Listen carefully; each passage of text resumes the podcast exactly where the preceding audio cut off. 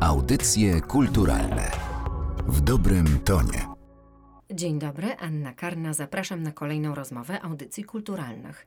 Dziś opowiemy Państwu o wystawie przygotowanej z okazji 160. rocznicy największego zrywu niepodległościowego XIX wieku. Miłość i obowiązek. Powstanie styczniowe 1863. Tę wystawę można oglądać w Zamku Królewskim w Warszawie, w Pałacu pod Blachą. W naszym studiu jest już profesor Wojciech Fałkowski, dyrektor Zamku Królewskiego. Dzień dobry. Dzień dobry. Miłość i obowiązek, ten romantyczny tytuł, właściwie otwiera wyobraźnię, bo pozwala na bardzo różne interpretacje. Tak, rzeczywiście jest to tytuł romantyczny, bo taki był również zryw. Zryw niepodległościowy, ale który powstał z potrzeby serca i mniej myślano, więcej reagowano, co nie jest zarzutem wbrew pozorom, dlatego że jeżeli by liczyć, prawda, oceniać tę sytuację w kategoriach takich bardzo racjonalnych, wyliczalnych dokładnie, ilości karabinów, ilości żołnierzy, posiadanych pieniędzy, zasobów różnych materialnych, no to różnica była miażdżąca na korzyść caratu. A jednak oni się zdecydowali i to nie były decyzje pojedyncze. To objęło kilkaset tysięcy osób. Mówi się o 200 tysiącach, ale poparcie było daleko szersze, więc musiała to być zgoda i taka determinacja. Myślę, że grubo ponad miliona ludzi z różnych stanów. Jeszcze to zauważyłem zauważmy, bo mm, prawda, to nie była tylko szlachta, znaczy ziemiaństwo, ale było poparcie wśród chłopów, wśród rzemieślników, no i cała rodząca się wtedy warstwa inteligencji mm, polskiej poparła to. To była świadoma działalność na rzecz odzyskania niepodległości, obrony tożsamości kulturowej i narodowej, no i trudno powiedzieć, że to było właśnie takie wyliczone co do jednej szabli czy jednego naboju. To był poryw, który wynikał właśnie z miłości miłości do ojczyzny. Stąd jest właśnie mm, pierwsza część tytułu, a druga to jest obowiązek też wobec ojczyzny. Więc dwa słowa można zamienić w jedno patriotyzm. Czy powstanie styczniowe pozostawiło po sobie dużo pamiątek? I tak i nie. Powstanie styczniowe przeszło do takiej legendy narodowej, taki mit stworzyło, y, który dalej jest żywy. To nie jest tak, że minęło 160 lat i myśmy y, o tym zapomnieli, traktujemy to tak samo jak powiedzmy chrzest Polski tysiąc lat temu, czy coś, co się wydarzyło w połowie XVI stulecia. To jest nadal żywe w rodzinach i cały czas budzi emocje takie mm, nie wynikające nawet z osobistych przeżyć rodzinnych. Dlaczego? Dlatego, że powstanie po pierwsze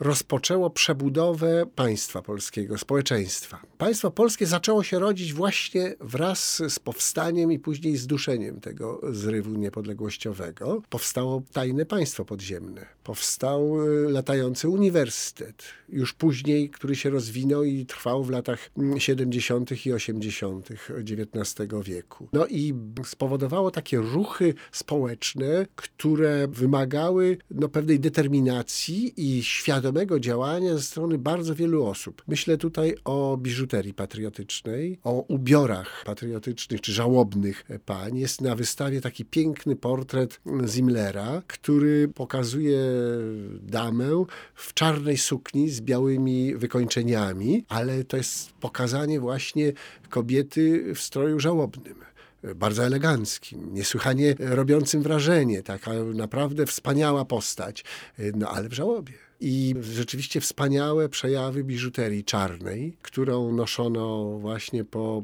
upadku powstania. Więc to trwało w takich przejawach bardzo materialnych, ale przede wszystkim istniało i dalej moim zdaniem istnieje w pamięci ludzkiej. W takiej pokoleniowej, zbiorowej wyobraźni, która do tej pory jest żywa i wzbudza emocje, bo ta wystawa pokazuje fakty, przypomina o wydarzeniach, ale przede wszystkim odwołuje się do emocji i je wzbudza, naprawdę. Pytam o te pamiątki, ponieważ na wystawie możemy oglądać obrazy, zdjęcia, broń, biżuterię, ubiory, przedmioty codziennego użytku i to pozwala nam zbliżyć się do tych bohaterów, bo z jednej strony wiemy, że to było 200 tysięcy osób, ale jest to jakaś liczba, a kiedy patrzymy na te osobiste przedmioty, suknie, pierścionki, obrączki, ci ludzie stają nam się bliżsi. Skąd pochodzą te tak osobiste rzeczy?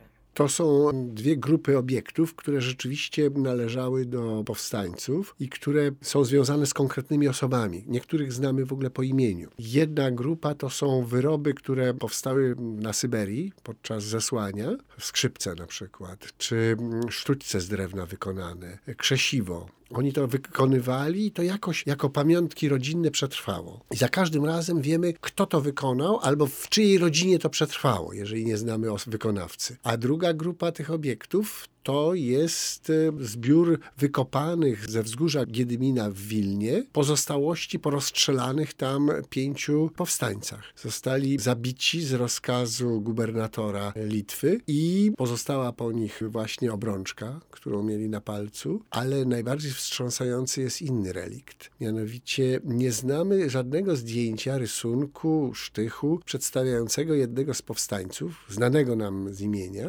Natomiast kiedy oni zostali wrzuceni do jamy z wapnem, to jego twarz się odcisnęła na tym wapnie. I ten wycisk jest na wystawie, więc ten zniekształcony, ale jednak czytelny odcisk twarzy jest jako pozostałość wizualna tego człowieka. Wszystko inne przepadło ale to zostało. I to jest również takie memento dla nas wszystkich, że nic nie ginie. Pamięć to jest bardzo taki nośnik silny, trwały, a oprócz tego zawsze zostają jakieś fragmenty materialne, które przywołują pamięć o tej osobie, które coś o niej mówią, a czasami tylko albo aż odwołują się do naszych właśnie emocji, do naszego wzruszenia, do tragicznej myśli na ten temat. Ale jest i druga część tej wystawy i naszej również pamięci o powstaniu, mianowicie nie tylko taka odwołująca się do przeżyć y, tragicznych i wyciskająca no niekiedy nawet łzy w oczach. To jest y, piękna sztuka, która po tym pozostała. Nie tylko Grodger, ale i Maksymilian Gierymski i właśnie Zimler i Matejko, który namalował Polonię i możemy ją obejrzeć. Piękną damę w czerni, która jest zakuwana w kajdany, wisi krucyfiks, biedni ludzie się martwią, żandarmi stoją. Cała ta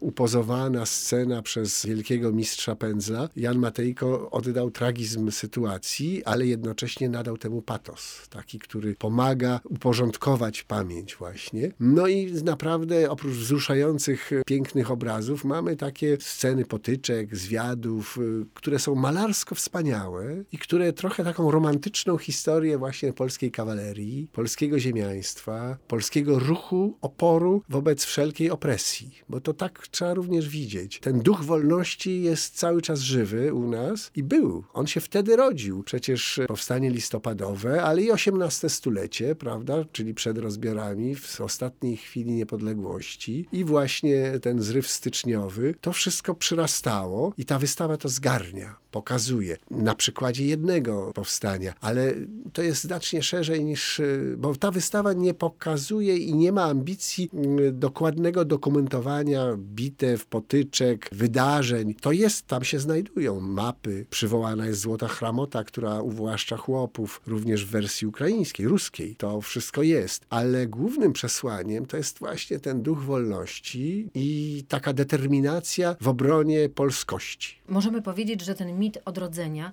właśnie sztuka niosła.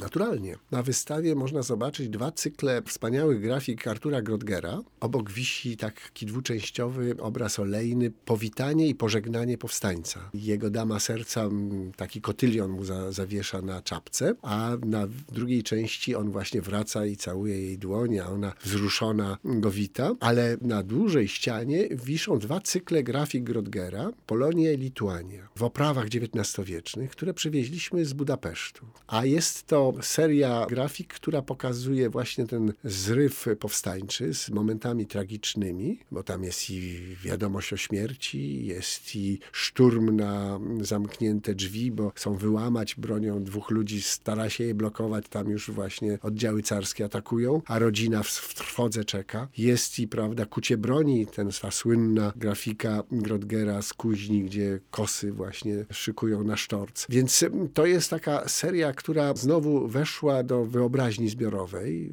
My myślimy o powstaniu trochę przez Grudgera, tak jak o polskich dziejach myślimy przez pryzmat malarstwa Matejki, tak powstanie nam upostaciował przetworzył właśnie Grodger. No i Lituania, która zaczyna się od tej takiej patetycznej sceny lasu dzikiego, hieratycznego, wspaniałego. No i te dwie serie praktycznie zamykają tą ścianę całą, dużą i one tworzą taką ramę, która troszeczkę nadaje inny wymiar tej informacji faktograficznej, której nie ma za dużo, ale są przecież tam chociażby mapy właśnie i, i znakomity, piękny obraz Juliusza Kossaka. Oczywiście późniejszy niż samo powstanie, ale pokazujący scenę z powstania, ilustrujący potyczkę taką dość dużą, kilkudziesięciu osób, którzy tam walczą. No a obok tego są plany różnych zmagań militarnych na mapach i pokazane to jest w takim rzucie strategicznym. Na tej wystawie możemy też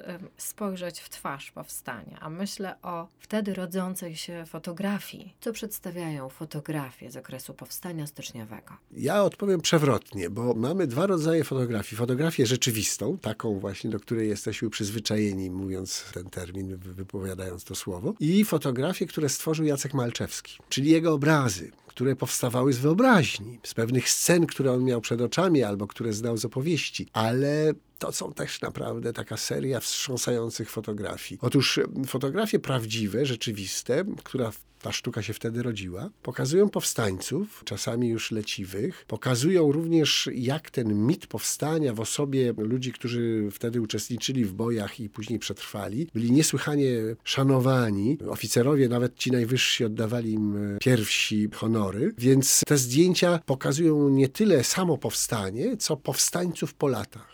Ale jest ten cykl Jacka Malczewskiego, wybitnego polskiego malarza, który kilkunastoma co najmniej obrazami udokumentował zsyłkę na Sybir, różne etapy, później pobyt, ale również i taki namysł nad tym, co się wydarzyło, jak to przeżyliśmy. Więc jego zbiór, jego kolekcja na wystawie nie jest duża, to jest kilka prac. On w sumie zrobił moim zdaniem kilkanaście tych obrazów z zesłania, ze zsyłki i co najmniej kilkanaście takich podsumowujących więc w sumie to jest duża seria, ale właśnie nie martyrologiczna, tylko pokazująca tragizm sytuacji, również ludzi, tych, którzy tam byli wywożeni, a ich rodziny tu zostawały albo z nimi podążały tam gdzieś daleko pod Tomsk czy za Ural, daleko, daleko. To jest y, taka faktografia trochę wyimaginowana, ale z drugiej strony no, niesłychanie poruszająca przez realizm detali, szczegółów, a przede wszystkim przez taki tragizm sytuacyjny. Chcę zapytać o rolę kobiet w powstaniu styczniowym, bo zwykle myśląc o powstaniach widzimy mężczyzn walczących. Tak, ale w tym wypadku to ja bym powiedział, że powstanie styczniowe kojarzy nam się z kobietami, bo to one po pierwsze dawały siłę do wyjścia. To nie jest tak, że mężczyzna wszedł, łapał za szablę i pędził gdzieś. To była decyzja, która musiała być decyzją całej rodziny. I tu kobieta, ta właśnie sportretowana przez, zapewne narzeczona przez Grodgera, pokazana, jak przyczepia ten kotylion. Ona mu daje nie tylko barwy narodowe, przede wszystkim daje mu siłę. To była również miejsce, gdzie oni mogli wrócić, wyleczyć dolegliwości czy rany i znowu nabrać tej siły wewnętrznej. No i kobiety to później one po powstaniu, kiedy powstanie upadło, to ta determinacja kobiet w czerni z tą biżuterią patriotyczną tworzyła tą siłę oporu milczącą, bo powstanie wygasło gdzieś, no przyjmijmy, wczesną jesień 64 roku. Oddziały partyzanckie jeszcze po niektóre gdzieś działały, ale przecież powstanie trwało dalej tylko w duszach i sercach i umysłach właśnie przez determinację, przez odmowę współpracy, przez twarde bojkotowanie urzędników czy zarządzeń tam, gdzie można było to robić, bo nie zawsze było to bezpieczne. I to kobiety nadawały siłę temu. To kobiety pokazywały właśnie swoim ubiorem, że pamięć o powstaniu i ten wysiłek narodowy trwa nadal. Bez kobiet to by się nie udało.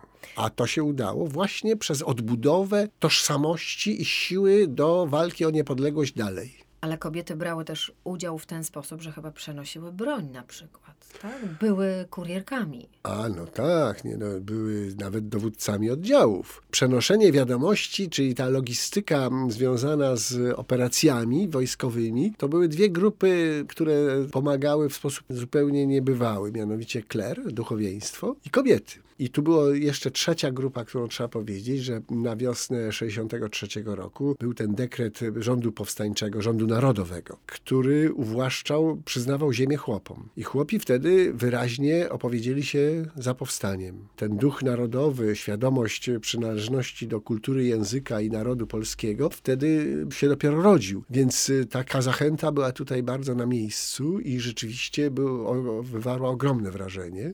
Rola kobiet w tym zrywie narodowym jest jeszcze do podkreślenia, bo w moim przekonaniu to powstanie trwało później i nabrało takiego wymiaru właśnie mitycznego dzięki kobietom.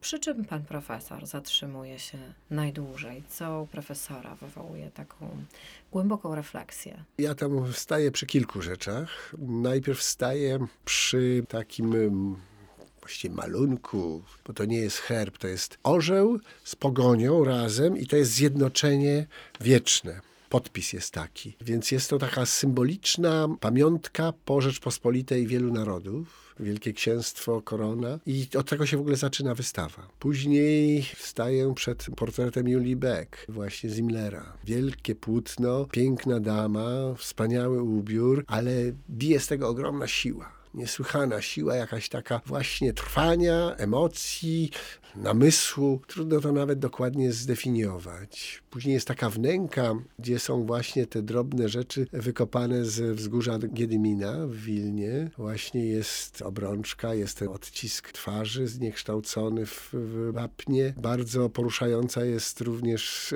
sala, gdzie wieje wiatr. Scenografia jest tak zrobiona, że jest ten wiatr i zadymka śnieżna, a to jest Sybir. I tam są te właśnie obrazy Jacka Malczewskiego i innych malarzy, ale również właśnie pozostałości wyprodukowanych rzeczy przez zesłańców. To jest wystawa, którą można przejść i po prostu poobserwować, ale można też przejść i myślę, że nikt tak nie przejdzie łatwo bez pewnego wzruszenia bez takiej emocji wewnętrznej. Praktycznie w każdej sali są dwa miejsca, gdzie można się zatrzymać i popatrzeć, chociażby na biżuterię patriotyczną, pięknie wykonaną, bo to są również znakomite rzemiosło właśnie biżuteryjne, jubilerskie. Również jeden wyrób jest z węgla utwardzonego. Tam jest co najmniej kilka miejsc, gdzie na pewno każdy się chciałby zatrzymać i ściana ze zdjęciami powstańców. To jest pusta ściana, tylko idzie taki pasek małych zdjęć zdjęć kilkudziesięciu osób. To jest wystawa, która na pewno porusza, daje do myślenia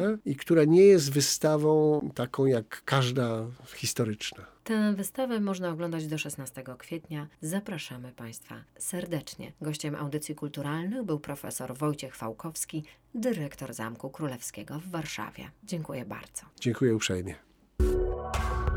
Audycje kulturalne w dobrym tonie.